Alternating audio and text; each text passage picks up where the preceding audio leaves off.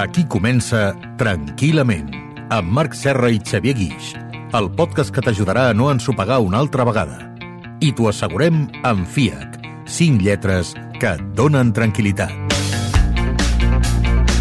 Bon dia, bona tarda, bona nit. A la primera temporada d'aquest podcast vam parlar de companys de feina tòxics, on reflexionàvem com un company de feina amb ganes de tocar la pera ens podria complicar l'existència. I ara hem rebut un correu electrònic al ment arroba que ens demana anar més enllà. M'ha fet gràcia perquè aquesta persona que ens demana anonimat per una qüestió que ara entendreu vol que parlem de caps de feina tòxics, és a dir, de jefes eh, tocaperes. En concret ens explica que treballa a l'administració pública i ens diu que quan el seu cap veu que algú no fa la feina, en lloc de posar-hi remei, trasllada el treball als que penquen. Diu que això crea angoixa entre els companys i que si es queixen els amenaça en obrir-los un expedient entre d'altres pràctiques, diu. Explica que fins i tot hi ha hagut denúncies internes i que el que s'ha aconseguit és que els denunciants hagin estat traslladats de localitat en lloc del denunciat. Avui, al Tranquil·lament, i perquè ningú no se'ns enfadi, no només parlarem de caps de feina tòxics, sinó que en general de persones tòxiques. Amb el Xavier Guix. Xavier, què tal? Com estàs? Molt bé.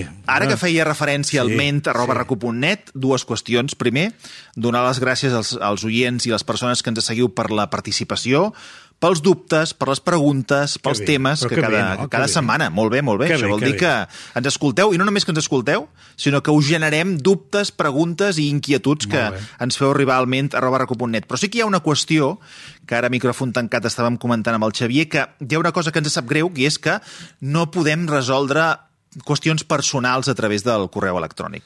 Perquè de vegades ens escriu, escolta, a mi m'angoixa això, eh, passo una mala època, passo uns mals dies... Si ho podem tractar com a tema, ho farem, Sí. però el que no podem fer, Xavier, és respondre preguntes No. eh, personals o Exacte. dubtes personals a través del correu. Exacte, intentem generalitzar perquè, clar, un programa de ràdio, doncs la seva missió en aquest sentit és donar eines, explicar, reflexionar, però clar, no fem teràpia en vivo.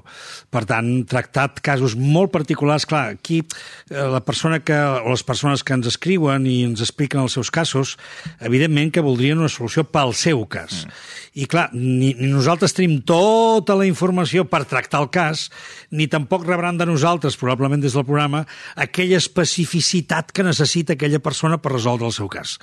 D'aquesta manera, el que intentem fer simplement és programes preventius, programes en què intentem anticipar-nos una miqueta a coses que poden passar i que ajudin a reflexionar. I, en tot cas, com sempre, evidentment, qualsevol programa d'aquest tipus, doncs, eh, sempre, sempre eh, proposar que la persona doncs, visiti un professional, psicòlegs, que en aquest país n'hi ha molts i molt bons, És que en recordo un que em deia, fins i tot, el recordo perfectament, eh, d'un hospital de Catalunya, que no cal mencionar, d'aquest hospital, per aquest cas que us explico, quin Sí. Psicòleg em recomaneu? Clar, no. Eh, en aquest cas, eh, heu d'entendre que llegim o intentem llegir tots els correus que ens envieu, però en aquests casos concrets hem de, hem de dir-vos que no tenim la solució, però en No. tot cas sí que en tinc una més de- d'emergència d'estar per casa, que és referir-vos a un episodi del qual jo crec que en podem estar orgullosos, que crec que és l'últim de la primera temporada, que vam parlar de quan s'ha d'anar al psicòleg.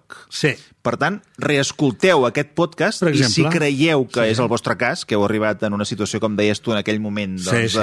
De, de, de, de hàmster, no? de que ja no saps eh, trobar la sortida, doncs a veure si és el moment d'anar a un i professional. que hi ha un camí recte que és el propi Col·legi de Psicòlegs. Mm -hmm. Per tant, qualsevol dubte, eh, petició justament de professionals, escolti, a la meva comarca, a la meva zona, eh, quins professionals estan acreditats pel Col·legi de Psicòlegs, etc etc.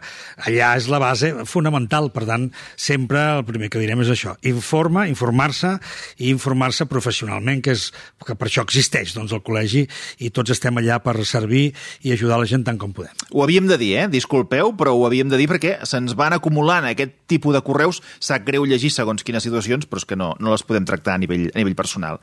A veure, Eh, companys de feina tòxics, en vam parlar la temporada passada, també el podeu recuperar. Sí, sí, sí. Ara, avui ens demanaven, a través d'aquest cas tan concret de l'administració pública i d'aquesta situació, eh, jefes tòxics, en parlarem caps tòxics, perquè, clar, una qüestió és que tu et trobis amb una persona tòxica ara m'ho invento, en una festa, Sí. per dir-ho així, Sí. i tu, escolta, eh, quan la festa s'acaba, quan la música s'acaba, cadascú se'n va a casa seva. Sí. I ja està. Però quan el teu cap és una persona tòxica, que ara intentarem definir, la situació Sí. es complica molt més perquè és evident que té un poder sobre tu no? I, sobre la teva feina.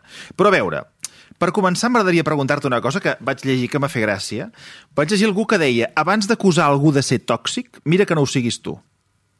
Té, Bé. té, té algun sentit, Sí, això, per tu? sí, sí, sí, té- té dir que no sentit. estiguem dient, escolta, tu ets tòxic i resulta que el, el No. tòxic sóc jo. Sóc Mira, jo el complicat. Té saps? sentit, primera, perquè en algun grau tots podem tenir conductes tòxiques. Aleshores, el que vam fer en aquell primer programa, i avui ho hem de tornar-ho a dir perquè és necessari, és que parlem de conductes tòxiques i no de persones tòxiques, perquè les persones, doncs, eh, eh, som com som, eh, no en tots els aspectes, ja- ni sempre, no, no en tots els aspectes, ni sempre, ni amb tothom, som iguals. Però hi ha persones, Xavier, que porten una T de tòxic al, però- al, al, al, al front, eh? d'acord, d'acord, A vegades, sí, sí, escolta'm, no hi ha manera, eh? aleshores, Els coneixes amb 5 anys i ja eren nens o nenes complicadets. Clar. I els coneixes amb 40 i estem igual, eh? Clar, però aquí és on anem a lo dels graus. Eh? Aleshores, hi ha persones que aquell grau de toxicitat és petit, dius, mira, és molt bona persona, és un tros de pa, però quan li surt el geni... Quan es comença amb la frase és molt bona persona, Eh, la clatellada ve exacte. immediatament després. Per tant, eh, a vegades hem de, hem de ser conscients de que tots tenim algun all, alguna ceba tòxica. Ara, probablement és en un grau menor, petit, només quan estem en una situació molt complexa, quan estem que no podem més, quan allò que diem patem, etc etc. Per tant, tots tenim algun grau de toxicitat. Però quan dius grau de toxicitat, què vols dir? Que, eh, com un rampell, per entendre'ns, que ens surt un rampell. rampellades, amb una mica de mal caràcter en un moment donat... Eh, Clar, sí. que la toxicitat va més enllà d'una mala resposta o de... No? Bueno, és bueno que- ara, ara en parlem de què Clar, vol dir la La, toxicitat. la toxicitat representa que és un exercici continuat de certes conductes o certs hàbits. Aleshores, un, un rampell que no acaba, no? aleshores un rampell que, que ja saps que vindrà. Ja. És que ja sabem que quan li diem això no li podem dir perquè s'ofèn. I mira, és molt bona persona, no, no tenen cap problema, però noi, no li toquis aquest tema perquè s'ofèn. Però llavors, explica'm la diferència entre una persona que té rampells, que no li pots parlar d'un tema, i una persona que tu consideris tòxica. Bé. Però ja m'has dit que no... Ho aniré dient malament tota l'estona, és igual, eh? igual. Però ja, ja m'has dit que no hi ha persones tòxiques, Hi ha que són conductes, actituds. o actituds, conductes, tòxiques. Home, el que observem és que les persones que tenen aquests graus tan elevats de toxicitat, aleshores diríem igual que una central tèrmica, igual com un lloc que dius "Està- és tòxic. Per què? Perquè el nivell de toxicitat està per sobre de la mitjana o amb uns graus elevadíssims.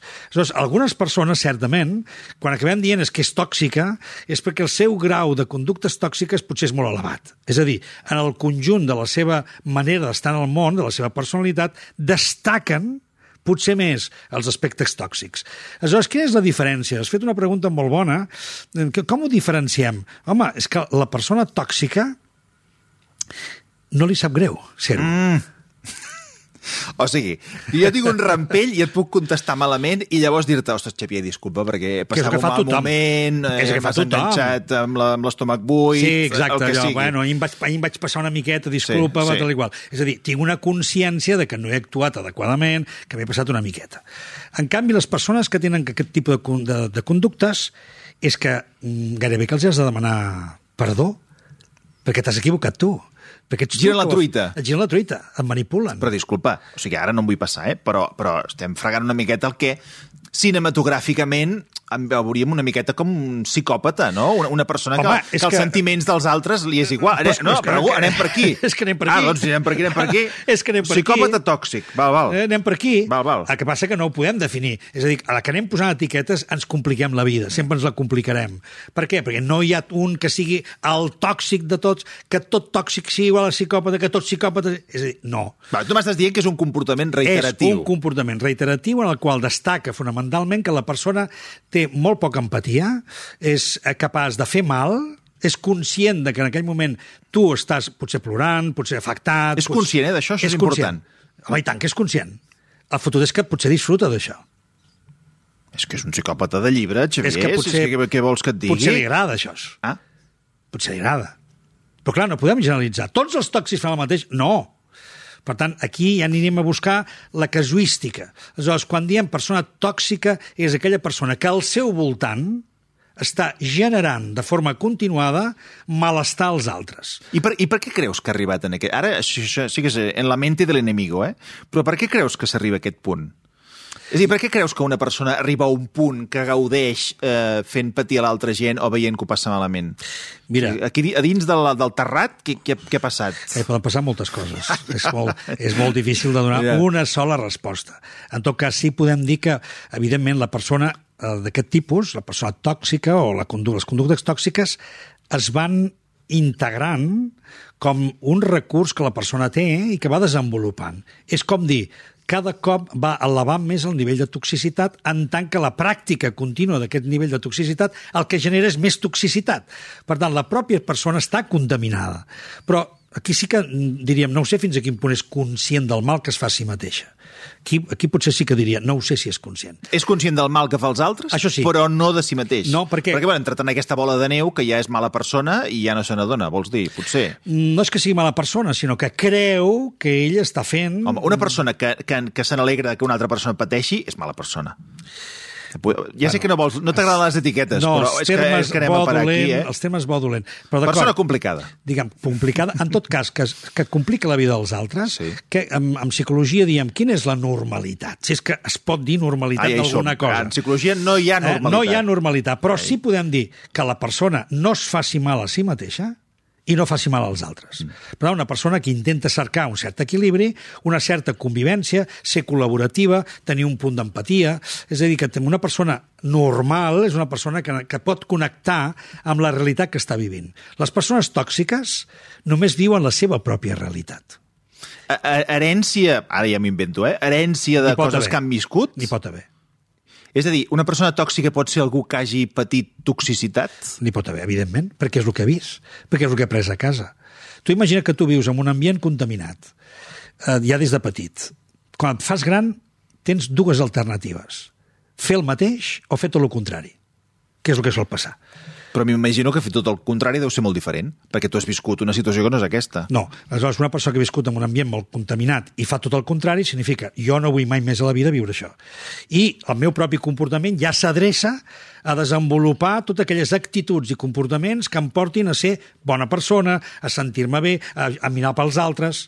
Ara, una persona pot haver-se contaminat tant que ella mateixa estigui contaminada i ho visqui amb absoluta normalitat. Aquest és el problema, que Aquest li sembla problema. completament normal. Exacte. Torno a reprendre el fil que abans eh, fèiem. Estava responent a la, a la pregunta sobre la diferència entre ser tòxic o tenir un rampell, no? Sí. Què, o sigui, per no treure el, el tema de mare, què podem considerar actituds tòxiques? Què, què, què diries que ens hem de fixar amb gent que potser ara els que ens escolten diuen, bueno, a veure, això que estan dient, doncs mira, jo li poso cara... Veus? És que... Li poso cara no, i nom, no, i, no, i, ca, i, cames i braços. I jo mateix, sí. i jo mateix sí, veuré també, que també, en amb algun actituds, moment actituds tòxiques. amb alguna persona potser estic desenvolupant una conducta una mica tòxica Sí. perquè sóc molt bona persona però a casa sóc un tirà. Sóc molt bona persona, ho faig tot molt bé, però resulta que no puc amb les dones. Una dona que em mani no ho suporto. Potser de petitet vaig tenir una dona, dues dones, vaig tenir una sèrie de persones femenines que em van ofegar. O a l'inversa. I per tant, després de gran, què faig? No suporto una dona que em mani. Aleshores vaig a treballar en una feina, em trobo una manaire, i llavors la manaire, per la seva feina, no la visc amb normalitat, la vist ja ofegat, la vist ja amb una visió distorsionada completament. Per tant, aquestes són cosetes que nosaltres arrosseguem, i això ho podem arrossegar tots. Per què? Perquè tots hem viscut capítols que no han sigut bonics a la nostra vida i a la nostra infància encara menys. I ho arrosseguem en forma de ferides, en forma de sentiments que apareixen inesperadament, en forma d'ombres, que també li diem, i això enfosqueix una miqueta la nostra vida. I en aquest sentit podem arribar a ser tòxics. Ara bé, hi ha persones que aleshores desenvolupen per la seva, pel seu posicionament, que és el tema que estem tractant, pel seu posicionament, llavors ah, aquí, aquí entrem... un tòxic amb càrrec, eh? Amb càrrec. Compte, eh? Que vol dir poder. I Tòxic poder, amb porra. I poder vol dir superioritat. Ara, ara hi vaig, amb els tòxics amb porra, que tenen poder i que et deixen entrar o no a la discoteca perquè tenen una, una xapa a la butxaca. Però t'anava a dir, un tòxic, sobretot ho és per una capacitat d'enredar la troca de manera extraordinària? Ja Perquè no, almenys, almenys és el que coneixem popularment com a persona tòxica. Sí. Perquè un li diu una cosa, l'altre diu una altra, un li diu mitja mentida, l'altre diu mitja veritat, l'altre li fa Sí, creure això- que l'altre no sé què. D'acord, però aquest, aquest comportament no seria bo per, per la toxicitat. Aquest seria el que els estudiosos de la comunicació en van dir una patologia de la comunicació, que és aquella persona que, eh, per tal de quedar bé amb tothom, capgira els seus arguments. Això, per exemple, ho ens hem trobat amb venedors comercials que arriben amb la, amb la comanda i diu, escolta, com és que li has regalat pràcticament el producte? Bueno, és que m'ha sabut greu perquè era bona persona, és el primer cop que fèiem contacte i m'ha semblat... I són aquelles persones que amb un, si és del Barça, li parlen del Barça, però si és del Madrid, li parlen del Madrid. És a dir, no saps distingir quin és el valor que té aquella persona, perquè amb tothom miren de quedar bé. Però compte que això no vol dir una conducta tòxica, tot i que aquella persona està vivint una certa patologia comunicativa. Doncs explica'm què vol dir una conducta tòxica. Aleshores, jo, una- jo tenia al cap això. Ah, clar, no, el manipulador. Manipulador. Manipulador, controlador, narcisista, generalment. Parlo en termes singulars eh, masculins, però també podem dir-ho en, en, en femení. Eh? Per tant, és una conducta manipulativa, és una conducta de control, és una conducta orientada justament a que et sentis superior a l'altre i que creïs malestar, que és com tenir una visió distorsionada de la realitat dient "Mm, me la poden fotre, abans us fotré jo a vosaltres. Hi ha gent que funciona així. Conducta preventiva. Que, Claro. Cleca preventiva. Però clar, jo ja, vaig, jo ja vaig creant un malestar. Per què? Perquè estic intentant evitar que me'l creïn a mi. Si a més a més tinc poder i tinc autoritat i puc decidir, aleshores em faig mal ús d'això. Per tant, m'estàs dient que la gent tòxica té un problema d'autoritat o, o d'autoestima? O i tant, que la, que la tapen a través de la superioritat. És a dir, tot complex de superioritat amaga un complex d'inferioritat. Mm. Per tant, les persones bona, eh? tòxiques, les persones tòxiques no han trobat, probablement, un altre remei, una altra manera de sortir-se a la vida que aquesta tendència a fer aquest mal, a crear conflicte, a crear manipulació, control, però un control excessiu, pervers, que no és subtil, no és dir, mira, aquesta, mira que subtil que és. No, no, no, és que és pervers. Llavors, aquest punt de perversió és el que ens fa parlar de toxicitat. I quan et trobes davant d'un element d'aquest tipus, que vol dir la seva personalitat està plena de conductes i de comportaments tòxics, mira, fot el camp. Però aquí som al cap del camí.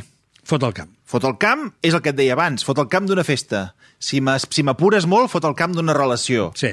Però fot el camp d'una feina, mm, precisament la persona que ens escrivia, que ja ho he entès perquè no vol que diguem el nom, perquè li poden tocar el crostó, ens deia eh, jo estic aguantant aquesta situació, però clar, en aquest cas és funcionari, però no pots fotre el camp de segons quines feines. No, però tu has de repensar.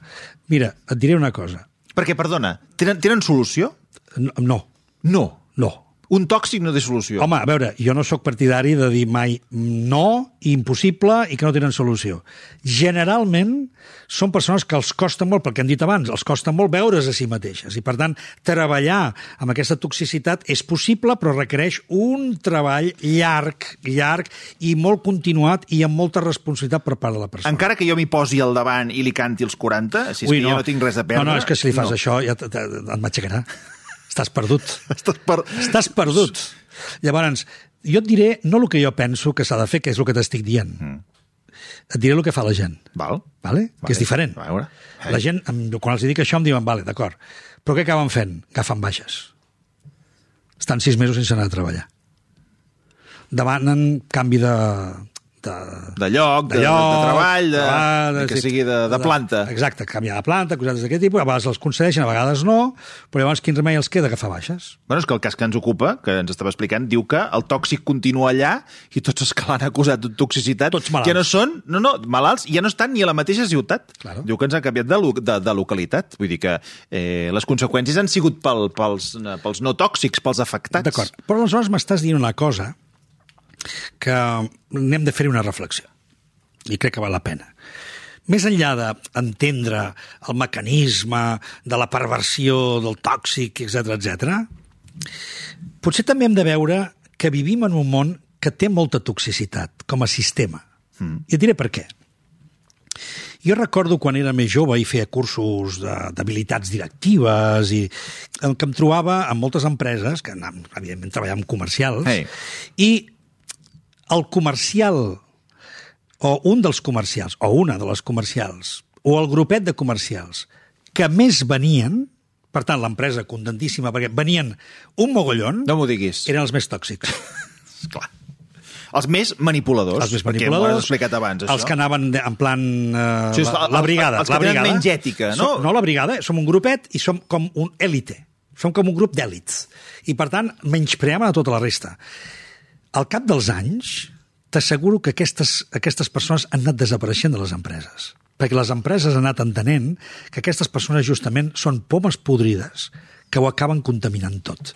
I que, malgrat que són molt bons, eficaços venedors, o que poden aconseguir grans fites a nivell perquè es, es venen l'ànima al diable, si convé, això acaba convertint-se en una, pedra, una poma podrida.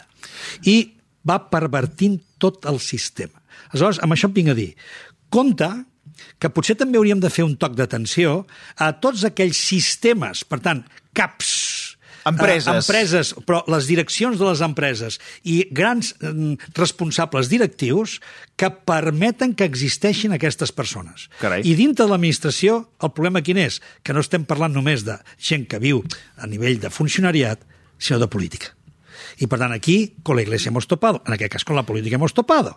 I, per tant, no, amb això no, no estic insinuant que tota la política i tots... No, no, no caiguem aquestes trampes, per l'amor de Déu. Però sí, entenem que algunes persones, per tal de demostrar que són més papistes pel papa i que són més eh, eh, guanyadors del mèrit i de la estima del líder, són capaços de qualsevol cosa. Vale, em deies, uh, fot el camp. No puc fotre el camp. Doncs aleshores, mira, hauràs d'anar al psicòleg que t'ajudi una miqueta a que puguis sostenir aquest tipus de comportaments intentant ignorar tot el que has d'ignorar i sentant-te única i exclusivament amb la feina que has de fer. El problema quin és? Que aquesta persona facis el que facis, encara que facis molt bé la feina, encara que facis la feina d'una altra manera, encara que li facis la feina com vols, un dia et dirà que sí i un altre dia et dirà que no. I amb això és amb el que et va fent que et sentis malament. Amb qui actuen més les persones tòxiques? Amb els dèbils. Ah, doncs aquí m'estàs donant una pista. Amb els dèbils, ei, o amb els eficaços. Per què? Perquè són molt bons. Són gent molt bona, molt eficaç, que ho fan tot molt bé. I llavors aquestes persones els comencen a matxacar i cauen perquè pensen però si ho estic fent tot bé, com és que encara em renya? Com és que encara no està content o contenta? I encara m'hi esforçaré més. I encara m'esforço més i al final caic, però caic perquè no trobo solució i no ho entenc. I llavors saps què passa? Que aquí uh, hi ha moltes persones que, i, i això també és important que ho diguem, moltes persones van a parar a un lloc que per mi sí que és perillós. Però no el del tòxic, no, que aquest ja sabem que és perillós, sinó un pensament perillós pels que han de suportar els tòxics, que és, és que jo això mai no ho faria. Llavors, quan una persona diu és que jo això mai no ho faria, es pensa que la resta del món és així de bona, que la resta del món no farà maldat, que la resta del món no actuarà perquè tu, jo no tu ho no ho faria, faries, però els altres sí. però els altres sí. Val, mm, a veure, intentem-hi posar stop amb les coses que m'estàs dient. Dius, eh, amb els dèbils. Doncs Amb els dèbils i amb els bons, amb els eficaços. Sí, però intento buscar solucions. Amb els bons i els eficaços, deixar de ser-ho, no sé si seria una solució, però amb els dèbils, plantar una mica de cara. Abans ja m'has dit que No, no. és que no plantarà, però... és que el dèbil no plantarà Ja, cara. perquè, doncs- perquè doncs- agafarà una baixa Val, doncs què, evitem aquesta persona, em dius? és que al final no queda cap més remei. No et queda cap més remei que allunyar-t'hi com sigui possible. I repeteixo, no és una bona solució, però al final, com que la gent utilitza el sistema, doncs el sistema que li permet agafar baixes, desaparèixer, no ser-hi, a costa de sí, de, que després senti que la tracten de, de vilutxa, de que no aguanta res, I en, un, i, etcètera, una, etcètera, I una relació personal, per exemple, que n'hi ha moltes i que És el mateix. acostumen a acabar malament, també. És el mateix. Fot el camp. Fot el camp. I com abans, millor. És a dir, que aquí també ens trobem amb un altre perfil tipus jo no ho faria mai, que és el tipus i- però ja, jo et salvaré, jo, jo t'arreglaré. Bueno, però jo puc, jo t'ajudaré... És que- dolent, però jo, jo, t'ajudaré. a veure si ho arreglo. Llavors, sacrificant-me jo, eh, sacrificant-me, martiritzant-me jo, així redimiré la teva mala fe i potser d'aquesta manera te'n donaràs compte que al, al final el que triomfa és l'amor.